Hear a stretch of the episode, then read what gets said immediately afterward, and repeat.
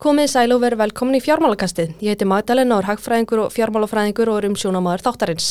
Þáttarinn er tekin upp í Nóa Sirius stúdíu í Fjármálakastið hlaðar fyrir áhuga fólk um fjármál, hagfræð og efnagsmál. Þátturinn kemur út einu sinni viku inn á allar helstu hlaðarsveitur og inn á podcast.is.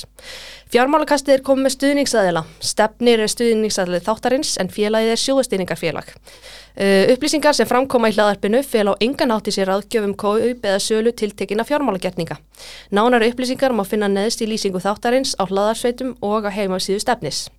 En þá að efni þáttarins. Ég fenginga til mín í settið góða gest en það er að Þórður Pálsson en hann er fórstuðumadur fjárfæstingi hjá Sjóvá, fyrverandi yfirmaður greiningadeilda kauptings og einna virkustu meðlum fjármálatvitter.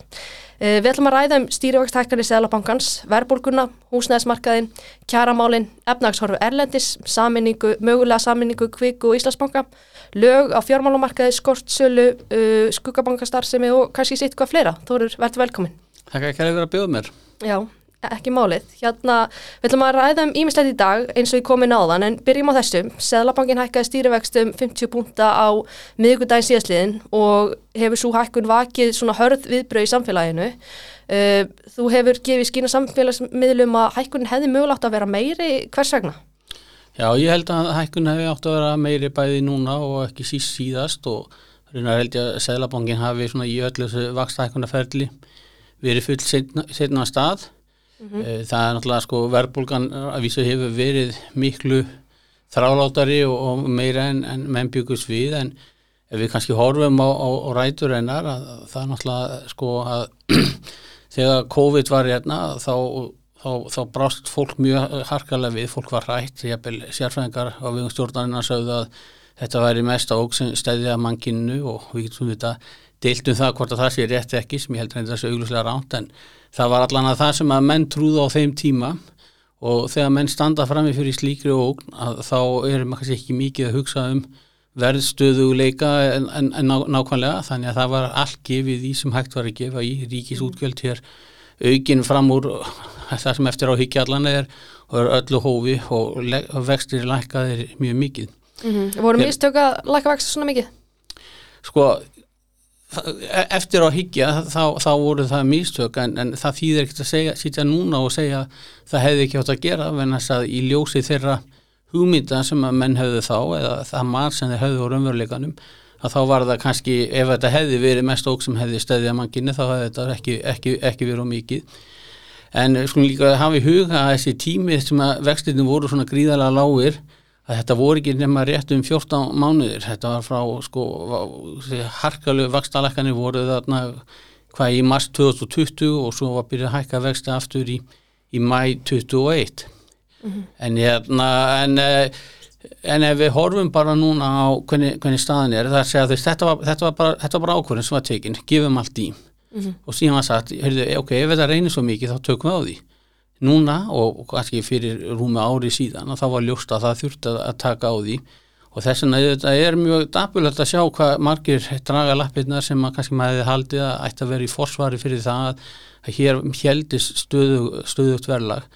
Og ef við bara horfum á greiningar Sælabankans, bara horfum á í nóvambur, en þess að svo vaksta ákvörðin vakti mjög sterk viðbröð þá samkvæmt matið Sælabankans og ímsamæli hvar það voru raunstýrivextir mínus 0,4% og, og það var framspenni í hagkerfinu. Núna, samkvæmt bara peningamálinn sem komu út í vikunni, þá eru þessi sömu raunstýrivextir mínus 0,7% og það er áfram spenna í, í hagkerfinu. Við sjáum það, spennina allir mynda að það er mjög mikil spenna á, á vinnumarkaði Þannig að það, þarf að, það er auglúslega allt og mikið peningamagn í umferð eða það er allt og mikið spenna í hægkjörðinu og það þarf að taka á því.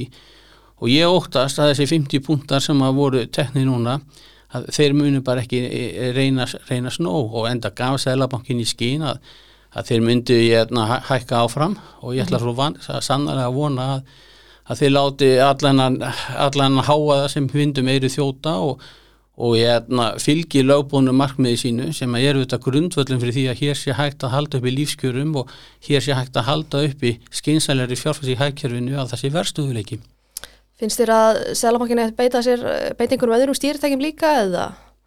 segja slíkt? Nei, ég held að það sé hérna, allar slíkar tilraunir til, til verðhamla eða verðlags eftirlits að, hérna, að þær muni ekki skila árangri Akkur vegna þess að, að, að, hérna, að það hefur ímest konar annar kost, kostnaði í för með sér og, hérna, og það er mikil tilrunastarðsemi með ófýrir síðum afleðingum og vandin er ekki sko einstat verð með, því, með slíkum aðgerðum til dæmis hérna, að beina láns, að stýra því hvert lánsfjármagn fer. Að ég hérna Að, að, að sko, sko fyrstulega þá spilin sko hvaðan Sælabankan hefur sko, kemur sko við til þess að geta séð það fyrir. Og það hefur alltaf alls konar hérna aðrar aflengar en síðan er það jæfnir þannig að þó okkur takist að halda einhverju einu verði förstu til að mynda ofinböru gjöldum að þá eru þessar verðhækkanir, þær eru, eru afleðinga verbulgu, ekki orsök. Orsök verbulgu er að það er alltaf mikil þenslega hækjörfinu og til þess að ná tökum á þeirri þenslu þá þarf Sælabankin að hækka vexti.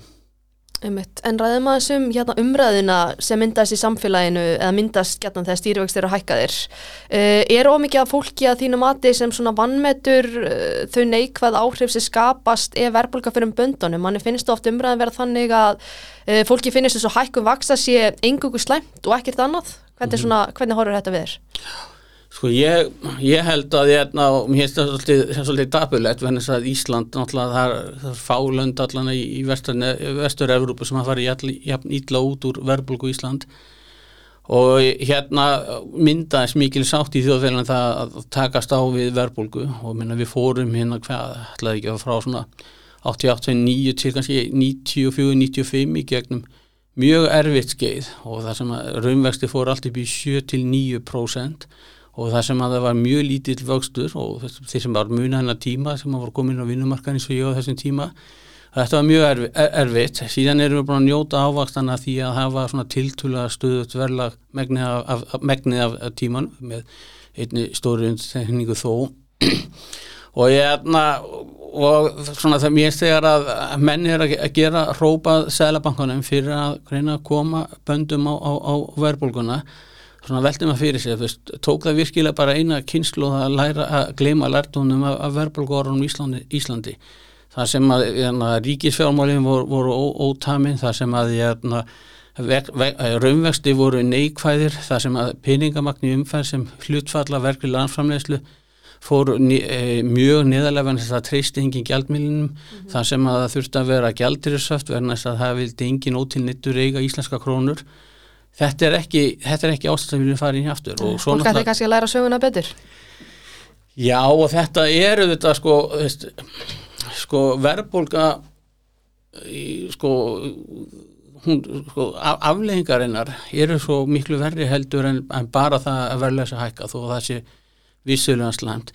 Heldur bjagar hún líka alla fjárfestingu og vegna þess að ef að þú ert með sko, skakka vexti eða vexti sem er ekki neinu í samræmi við jafnbæðistig í, í hagkerfinu þá virðast, ja, þeir eru allt og lágir þá virðast alls konar verkefni vera arbær sem eru það ekki miða veðilegt vextastig þannig að það leiði til hvers konar mísfjárfestingar og sem að dregur þróttur úr hagkerfinu og ég er og uh, bara við horfum á sko að drígu þróttur á hagkjörunum ef að ásna krafa virðis vera miklu læri heldur en, heldur en það þarf að, þá er þar að leiðandi sko fjárfest í miklu minna arbærum verkefnum heldur heldur en þarf. Og þetta auðvitað þess vegna er það líka eina ástæðan þegar að sko laung verbulgu skeið eru hviðið nýður að það, það hefur gerna leitt til til atvinnleysis vegna þess að það þarf að reynsa burtu alla rungu ákvarðarna sem voru teknir í verbúlskeiðinu. Og nú hækka verbulga nokkuð óvænt að margra mati í janúar og uh, hluta þeirra hækkun er hægt að reyka til svona gjaldskara hækkanar. Mm. Eh, Hefðu stjórnvöld að þínu mati átt að býða með þar í ljósi þess hversu há verbulgan er nú þegar? Nei, það er mínu mati að það er bara algjörlega sko, sletti besides the point fyrsta lagi eins og kemur fram í peningamálum að þá eru gjaldskrarhækkanir í síðustu 12 mánuði 7,5% en verðbólka 9,9% þannig að það auðvitað hefur ekki verið sko, ástæða hækkunarinnar. Mm -hmm. öðru lagi að þá gefur hangstofan út fastskattsvísitölun nesluverðs og það sem er lítið framhjá skattalum áhrifum hún er 8,4% þannig að líka á þann mæli hvarða er verðbólgan allt og há. Síðan má þetta segja lítið á það þess að sko, við getum auðvitað deilt um það hvort að allt þetta öll þessi þjónusta sem að er þarna veitt af hinn ofinbera og, og verði á ákvörðu en það skiptir sjálfs ekki máli verðin þess að svona, svona, svona er, er þetta.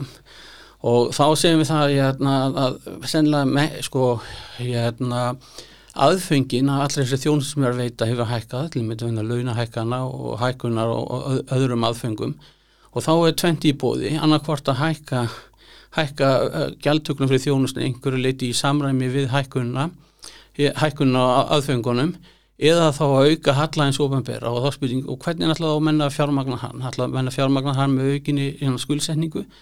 Þannig að e, þá væri það eitt og sér mhm. þenslu kvetjandi þó svo að það kemi fram með tímatöf inn í vísitilu nesluvers Já, emitt Uh, Föru núna í húsnæðsmakkaðin eins og ég segi, við ætlum að ræða mm -hmm. íminsleiti í dag en hérna Uh, hann svona virðist vera kóluna eitthvað undarferðið eftir nokkuð miklar hækkanir uh, hvernig svona metur uh, þú þetta? Getur við séð nafnverðslækkanir?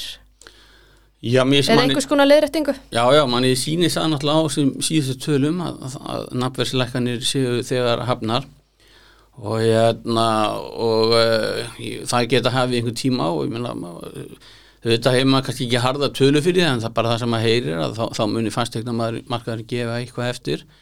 Ég hef ekki stórar áhyggjur bara vegna sko, eftirspurnar þættinum og vegna þess að hér er góðu gangur í hagkerfunu. Svo ekki gleyma því að sem Matti Sælabankans var hafastur hér á síðasta ári 7,1% mm -hmm. og bæði hennar er þjóðin til til og ung og er, er að fjölga sér og síðan þurfum við vantanlega allir að standa undir uh, tækifærin sem við höfum í hérna, við slumum ekki gleyma því að Ísland er að fást við hérna, luxusvandamál eins og var reyndar að sagt líka árið 2007 að helsta vandamál okkar er, er áhættu stýring í hérna, á þessum tækifærum og í áhættu stýringu höfum við kannski Íslandíkar ekki verið sérstaklega góðir.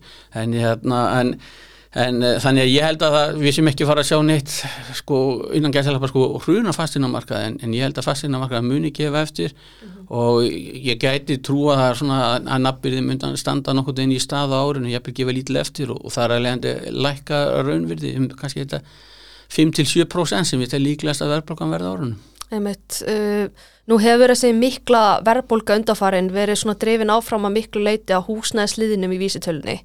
Uh, þá svona veltum maður fyrir sér, ætti húsnæðsliðurinn að vera inn í vísitölunleislu verðs að þínum áti? Sko ég held að það mætti líka alveg snúðsar spurningu við. Er nóg að hafa húsnæðsliðin inn í eða ættum að horfa á, sko, eignaverði miklu breyðar í skilningi?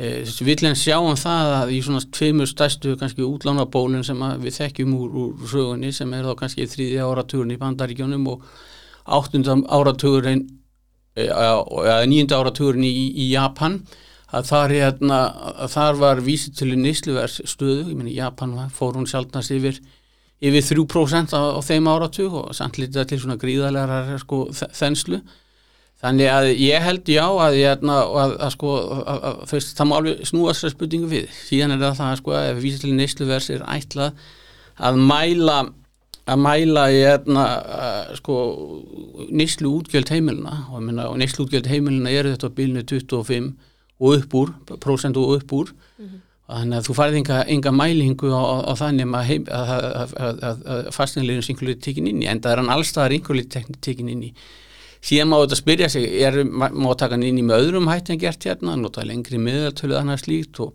ég hef ekki, ekki sterkast skoðan á því. En svo líka annað, útið við erum að tala um verbulgumarkmiðið, að það má kannski ekki gleyma því að Íslandi erum við með verbulgumarkmið upp á 2,5% meðan öll önnulönd erum við 2% þannig að það má kannski segja að það sé einhverju leiti jústerað fyrir, fyrir hérna, húsnæsliðnum Mm -hmm.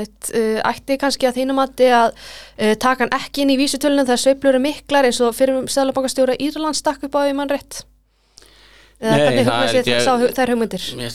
Mér, líst ákala ídla og alla slíka hugmyndir að svona, taka sko brjóstvitt inn í og fara krukka í, krukka í vísutölum ég held að ég menni að bara halda sig við eina reiknireglu og, og fylgja henni. Síðan er það þetta þannig að þó svo að, hérna, að, að sko, verbulgum, sko, víslarneislu versið þetta bara einn mitill á, hérna, á, á, á verbulgum og, og hann, hann er bundin í lög hjá, hjá hérna, Sælabankanum en þeir horfa auðvitað á fleiri liði eins og mm -hmm. kjarnavísitölur tölur og, og, og fleira Einmitt, einmitt. Snúm okkur þá aðeins að kjaramálunum, margt að gerast í þeim þessna dagana. Nú eru verkfalls aðgerir hjá eblingu, hafnar og svona mikil mótmæli kringum það. Uh, ertu bjarst sín, kannski skrítið að spyrja aðeins að því held að sé engin. Ertu bjarst sín á þessi deilleisis farsala lokum eða heldur að það sé mikil átök framöndan? Ég gerum ekki grein fyrir því, en þetta er auðvitað al, alvarlegt finnst mér sko veist, að, til að mynda hvernig þeirra ebling hefur komið fram til að skakvart ríkisátt að semja það mm -hmm. er svona kannski önnur, önnur stofnun það, það, það er þannig í öllum þjóðfélum að það er alveg sama hvaða reglur þú setur að ef að þáttakendur í því sem maður kalla þá í óvinnskilningi leiknum ef að þeir virði ekki reglurnar ef reglurnar hafa ekki lögmæti að þá, hérna, að þá gengur leikun aldrei upp, þá, þá bara leysist hann upp og Mér, mér finnst mjög einkennlegt til að mynda hvernig allir aðrir aðila vinnumarkaðarins og jafnvel stjórnmálamenn fór að evast um uh, lögmæti þessa ríkisáttasemjari skýti þessari samningstildraugum til hérna félagsmanna. Og síðan að þrátt fyrir nýðustöðu dómstóla þá klúðu þau bara ákvaða að fara sínu fram. Þannig að, að því miður að þá held ég að viljin sé ekki til þess að leysa þetta farsalega þannig að maður verður bara að býða og sjá Einmitt, en svona þeir kjarasamningar sem hefur verið skrifendil nú, voru þeir svona umfram verðmætasköpun eins og Sælamakastjóri gaf í skynni vikunni? Sko, í, í peningamálum hvernig var það? Og já, sennilega í oktober þá setti Sælabankin fram sviðsmyndir um það jæna, sko, nei það var í nópur já, um jæna, hvernig kjarasamningar getur verið að, að jæna, fallið að, að verðstöðuleika og svo byrtu þeir fráveikstæmi og núna í, í kynningunni þá sagðu þeir að þessi kjærasanningar væri eins og fráveikstæmið þannig að það vilja svera já, að þeir hafa ekki þeir hafa ekki en að fallið að fallið að þessum hugmyndum verðstöðuleika en öðru leiti þá þess hvort kann ég en ég hef, hef lagt mat á þessa kjærasanninga en, en þetta vilja svera ansi ríflegar hækanir Einmitt, uh, nú var aðeins sami til eins árs. Uh, setur það ekki svona hvað getur maður að svona allt í uppnám þegar þeir losna aftur eða svona hvernig metið þú það? Er gott að semja til svona skamstíma vegna óvissu eða hvernig metið þú það? Sko, ég held hérna, að eina ástæðan fyrir því að ég vil sjá skarpari hækkanir og, og, og stýr, stýruvöxtum, það vil ég sjá það núna með það að ef við erum að fara inn í kjærasæning aftur og mögulega skamtíma samninga hvað sem er sko setna árinu undir loka ásins þá verður Sælabankin og þannig að vera farin að sína fram á árangur. Ver, við verðum að fara að ná, ná verðbúkunni nýður þannig að þannig ég segi hérna, maður heyri stundum já ekki bara rétt að býða og, og, og sjá. Nei það er ekki rétt að býða sjá. Vegna þess að fyrsta lagi þá er þetta lögbóðu markmið. Öðru lagi þá er svo margt annað sem hangir á þessu. Til dæmis breytanlega lán húsnæðislán heimiluna sem að ver, sko, verða endursettir vextirnir á. Það er mjög mikilvægt að það verður búin að ná verðstuðleika og, og kjölfestu í verðbúkuvæntingar til þess að vakstakjör verði, verði skári. Þegar það verður farið í þess að kjara samninga eins og þú segir að, ég, að fólk hafi trú á því að það sem er samið um haldi kaupmætti sínu svona nokkuð veginn yfir, yfir samningstíman. Það, það held ég sé algjör fórsenda þess að, ég, að, að menn nái góðum samningum fyrir alla aðila og síðan er þetta líka þannig að sem er í, í verbulgu og allir, allir verðsetningu að þegar verbulgan grefur um sig og menn sko vita ekki og fara að giska fram í tíman hvað ég, hvað, eh, hvaða kaupmáttu verður, verður og þá hefur það sko áhrif til bjögunar og hækkunar og öllum kröfum og, og, og verði. Einmitt, uh, fyrir núna þessi annað og ræðum um efnahagshorfinar Erlendis. Hvernig svona horfa þær við þér? Nú er orkukrísan kannski ekki að reyna að slæma svo búst á virð, svona hvernig horfur þetta við þér? Sko, orkukrísan hérna, að, að, að ég held að jú, að hún sé sko, ég held að við séum í, í svona í byrjunni á, á henni, það sé að við komstum vel í gegnum þennan vetur, bæði verðin þess að menn höfðu góðan tíma til þess að undirbúa sig og, og, hérna, og, og nýttu þann tíma, en, en það er margt, margt í þessu, ég menna er, þetta er ekki að það er verulegt áægjefni að þetta hræðilega stríð í Úkræni sko, skul ekki vera að leysast og ég kannu þetta ekki lusna á því en þú veist það blansi við að það verður lang, lang hagkvæmast ef með einhverjum hætti það væri hægt að bera klæðu vopnin og, og ná einhvers konar samningum en, en það er svo sem er ekki mikil stemning fyrir því flesti sem hafa stungið upp og því hafa verið sakar um, um svíka af öðrum konur stríðandi aðeila en þannig að, að þessi órói á orkumarka mun halda, halda áfram í, í, í, í tölvöran tíma og síðan erum við að horfa fram á það að, að, að fólk vil skipta út jarðefna elsniti sem er úrskup einfallega sko undirstaða hagkerfis okkar og, og velmögunar í dag og þeim fólksfjölda sem er heiminum og skipti yfir aðra orku og það mun bara kosta alveg gríðana pening og sýta þrýsting og orkuverð á næsta árum. Einmitt, aðeins núnum ástandi Eh, ástandi vestanhaps, nú er hérna verðbólgan í bandaríkjónum að hjaðna og svo mm -hmm. hefur vaksta ferillin en fyrir hlustundur þá er það munurinn ávokstunakröfu 10 ára og 20 ára ríkiskuldabrifa ekki verið neikvæður síðan 1981 og svona sögulega þegar það hefur verið staðan þá hefur orðið svona eitthvað nýðusveifla eigum við vona nýðusveiflu eða samdrátt að skeiði bandaríkjunum hvernig sér þið það? Ég, ég bara, þó, þó er ekki að spáða um það, þessi, menna, ég bara segi það sko, ef maður spáir að komi þá kemur það að lókum sko, en, hérna, en það er líka mikil þróttur í hækjörnum í bandingum sem sáhandlega eins og síðustu hérna, tilkynningum fjölgum starfa og þó svo að launaþrýstingurinn þar hafi ekki verið mikil nánast engin sko að, að þá þeir sem skiptum störf, það var mælt sérstaklega, það voru launahækka um 14,5% sem að segja auðvitað líka það sko að mjög svona aðtunlega í Íslandi þá er þetta verulega líkur á tölurverðu launaskriði en þess að ef fólk fær ekki hækkun í því störfum sem það er þá, þá flýtur það sér til og ég erna þannig að við erum ennþá að ég held að við sko við erum ekki ennþá búin að býta úr nálinni með verðbrukunni í bandaríkjunum en mm. bandaríkjumenn hafa þú þetta stíði miklu fast að þetta jarðar heldur sem þess nokkuð tíman Evrópa og, mm -hmm. og það er ekki síst bara vegna þess að bandaríkin hafa efni á að nániðu verðbrukunni sem að mjög vansið að Evrópa hafi til að mynda það sem að, þeir fara að hækka vexti verulega, hvernig þeir ætlaði að díla við vandamál eins og skuldálag og, og lönd eins og Ítaljum Emitt, uh, förum nú aðeins yfir í annað uh, eins og ég sagði Ég byrju, við ætlum að kofera margt hérna í dag, Já. en jæna, það var sem sagt tilkynnt í gær, fymtu dag, að Íslandsbanki hefði samþygt að hefja samruna viðræður við kviku. Eru þetta jákvæða frættir þínum aði?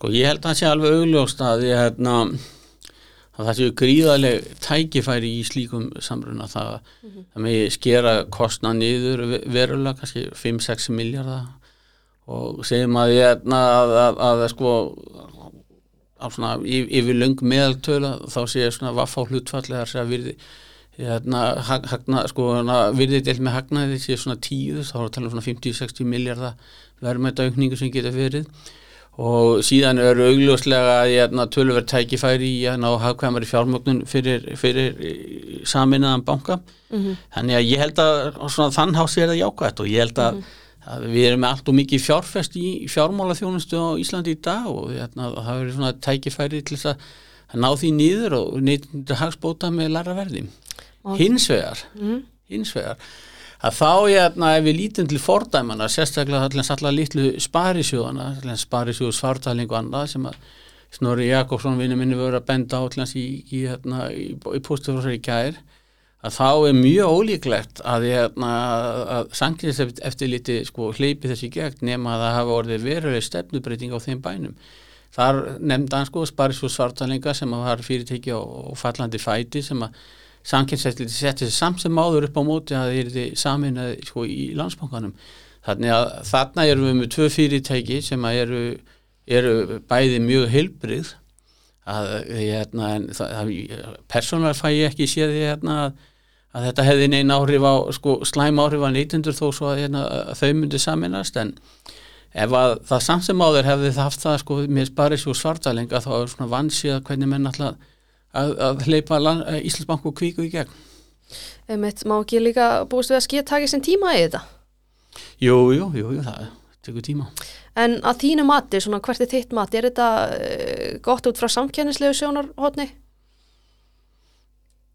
Ég fæ ekki sé að þetta hafi neinn sérstök slæm áhrif á, á, á samkjæmni, það er svona það sem að ég sé svona helst að þau að þau svona, sem er svipað þjónustu þú veist það væri þá eignastýringu og sjóðastýringu og, og svo hins vegar í, í, í bílalánum en við sjáum alltaf í sjóðastýringu það er önnur öflug fyrirtæki eins og stefnir og landsbrif og það er að lágur þröskuldar, aðgangsþröskuldar við sáum ný fyrirtæki eins og akta ná tölveri hlutild og skömmu tíma og, og það eru fjölmörg fyrirtæki sem geta veitt þessa, veitt þessa þjónustu þannig að ég með bí, og með bílalánin sko, með landsbankin og Arjónbanki og þetta er líka þjónusta sem er víða í, í sér fyrirtækjum og ég fæ ekki síðan að þetta vera miklir aðgangsþröskuldar í, í þessa greinar þannig að ég persónulega óttast ég ekki neina ógn við sankjæmni út á þessum. Nei, einmitt. Uh, ræðum aðeins núna um hlutabræðamarkaðin uh, nú ljóst að áhuga almennings á hlutabræðum hefur svona aukist til muna á undanförnum misserum með undanförnum árum. Uh, telur að muni aukast enn frekar? Já, ég vona það, ég held að það sé mjög gott og holdt fyrir markaðin að ég hérna fá þáttöku almennings og ég held að hlutabræði ætti að geta verið mjög áhugavert sparnaðaform fyrir almenning. Og ég er svo sem líka haft mikið áhuga því að þetta er bætt aðgengi almenna fjárfæstaðamarkanum ég er svona verið mjög ánæður þegar að Akro kynntum daginn nýtt app þar sem að fólk fekk lóksins rauntíma upplýsingar um markaðin og, og það lækaði hérna, viðskiptakostnaðin eitthvað og ég er svona býst við að þeir muni ekki sitja einir að þessu markaði lengi heldur muni hínnibankanir koma, koma líka og hérna, þannig ég er mjög ánæð með þetta Myndir þú vilja sjá einhverjum svona lagabreitingar þegar kemur hlutabræðamarkaðinu með bara fjármálamerkuðum almennt? Já, það er nú ekkert eitt sem, svona, sem brennur á mig núna sko, en, en ég, ég, vil nú eiginlega bara maður ekki bara ringja inn eftir viku? Bara, bara segja passi þetta sinn. Getur þú rætt að næst þegar þú kemur? Já, já, já, ég, ég þarf verið að fara annan ringbráðum fá alltaf aftur. En jætna, uh, þegar kemur að, að uh, kannski ég spurði meira spesifíska spurningu, þegar kemur að regluverki varandi skortsölu, telur mm. að þetta ring, ringa það? Já, ég held að skortsala sé mjög hérna, heilbrið og, og góð, fyrir markaðin og það sem sé fyrst og fremst þar, það er að þröskuldurinn sem er fyrir því að menn þurfa að tilkynna um skorstuður sé óþarlega lár.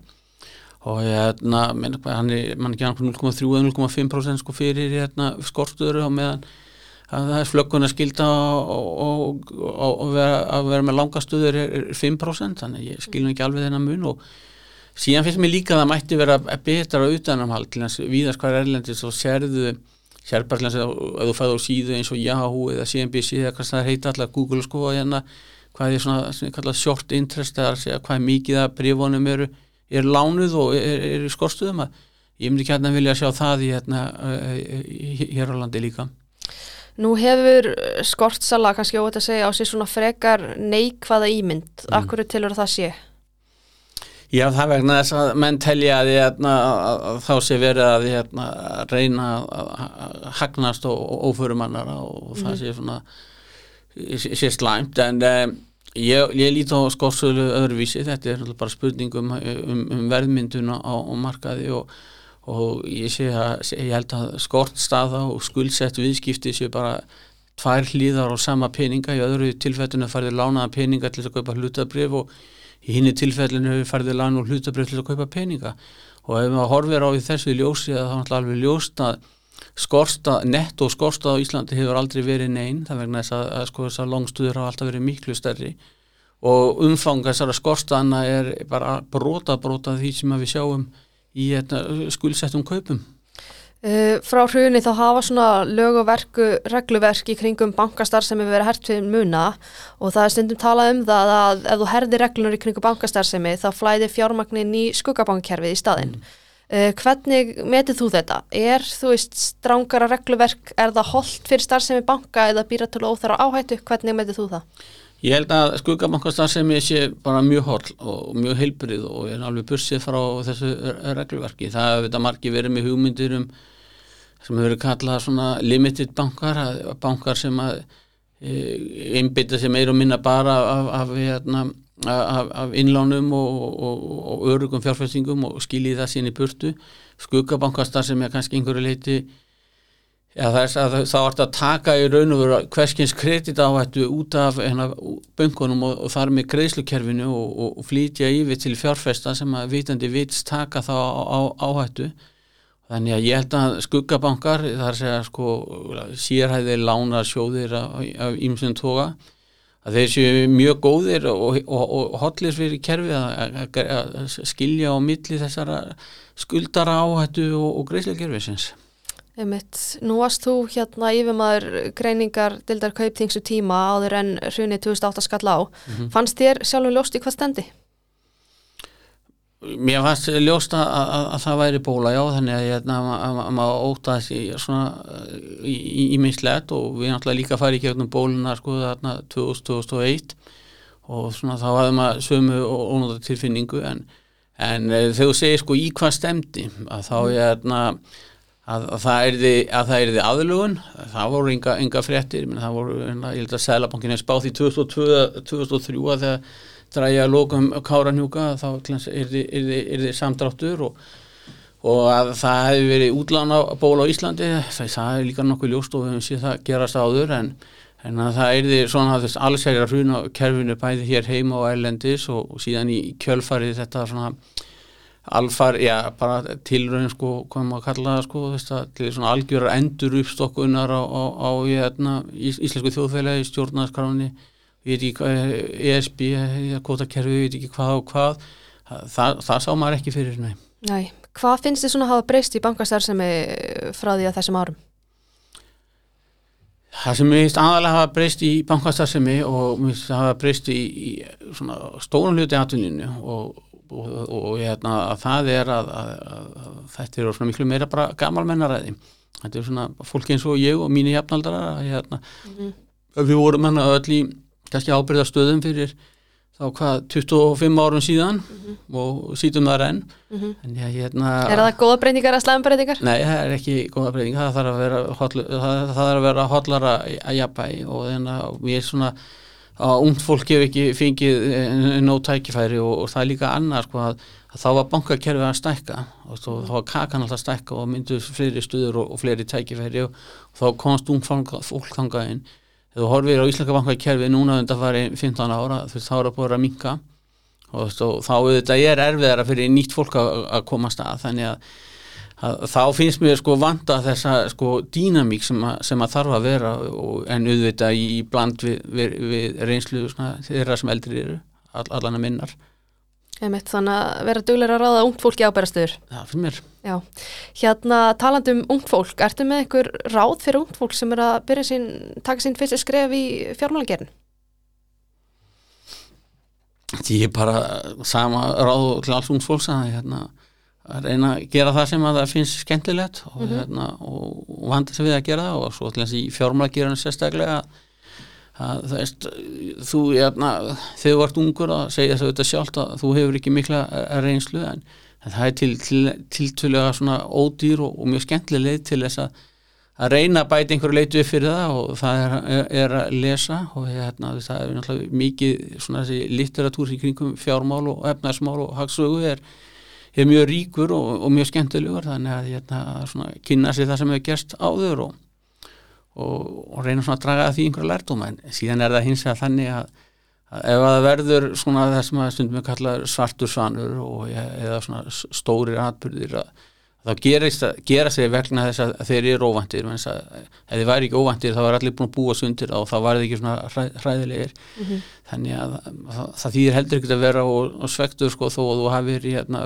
búin að lista allt saman áður og ekki þekkt en að teiknir þegar að eitthvað íll gerist mm -hmm. bara, þannig er bara lífið Einmitt, gott ráð, en hérna en venni þá endur við þáttinn á svona persónulegum nótum, hvað mm. lærir þú í háskóla? Um, ég lærði heimsbyggi tók bíabráði heimsbyggi og síðan tók ég hérna, próf í Vistafræði við banderska skóla í, í Fraklandi og mm. síðan tók ég MBA prófi með sérsvið fjármálmörkuðum í University of Delaware Byrjum kannski að akkur var heimsbyggi fyrir valinu?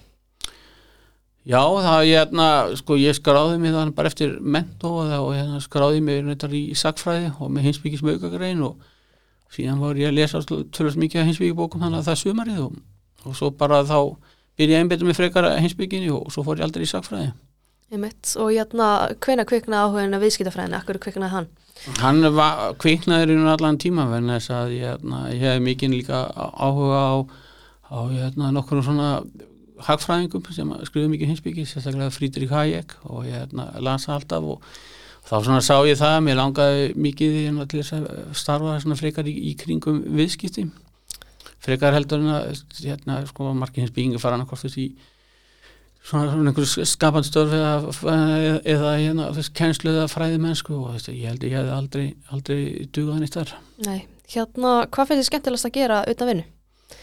Þegar þú ert ekki um tvítum fjármál.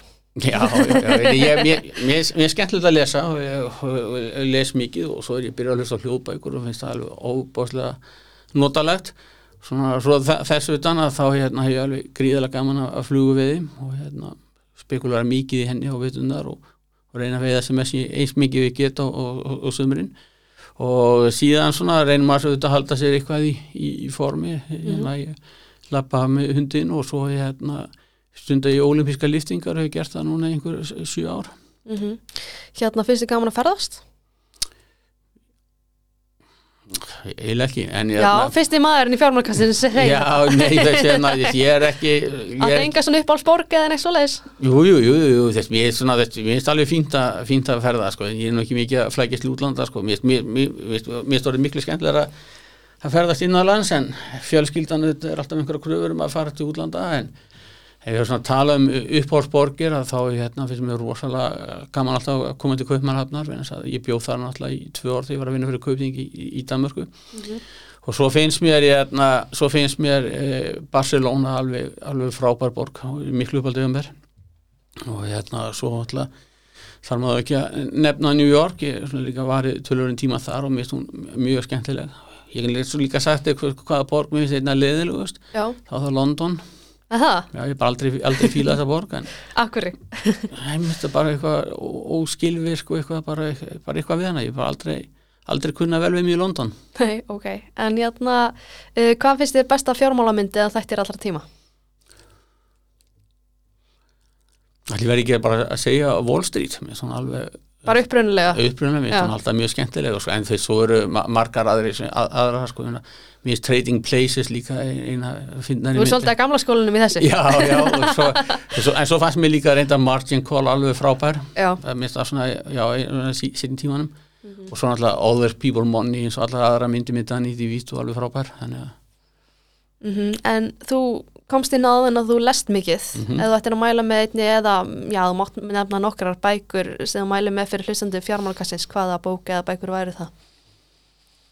Já, kannski byrja þetta kannski svona bara bókun sem ég lesi mjög nýlega kannski að þá myndi ég segja, ég myndi ráðleika öllum að lesa The Price of Time eftir Edward Chancellor hann mm -hmm. er hérna, hún er um sögu vaksta og fer mjög vel í, í þetta þessar lágvaksta gildur sem að heimurinn hefur komið sér í í dag og óöfni sem að með, með, með lágum vöxtum.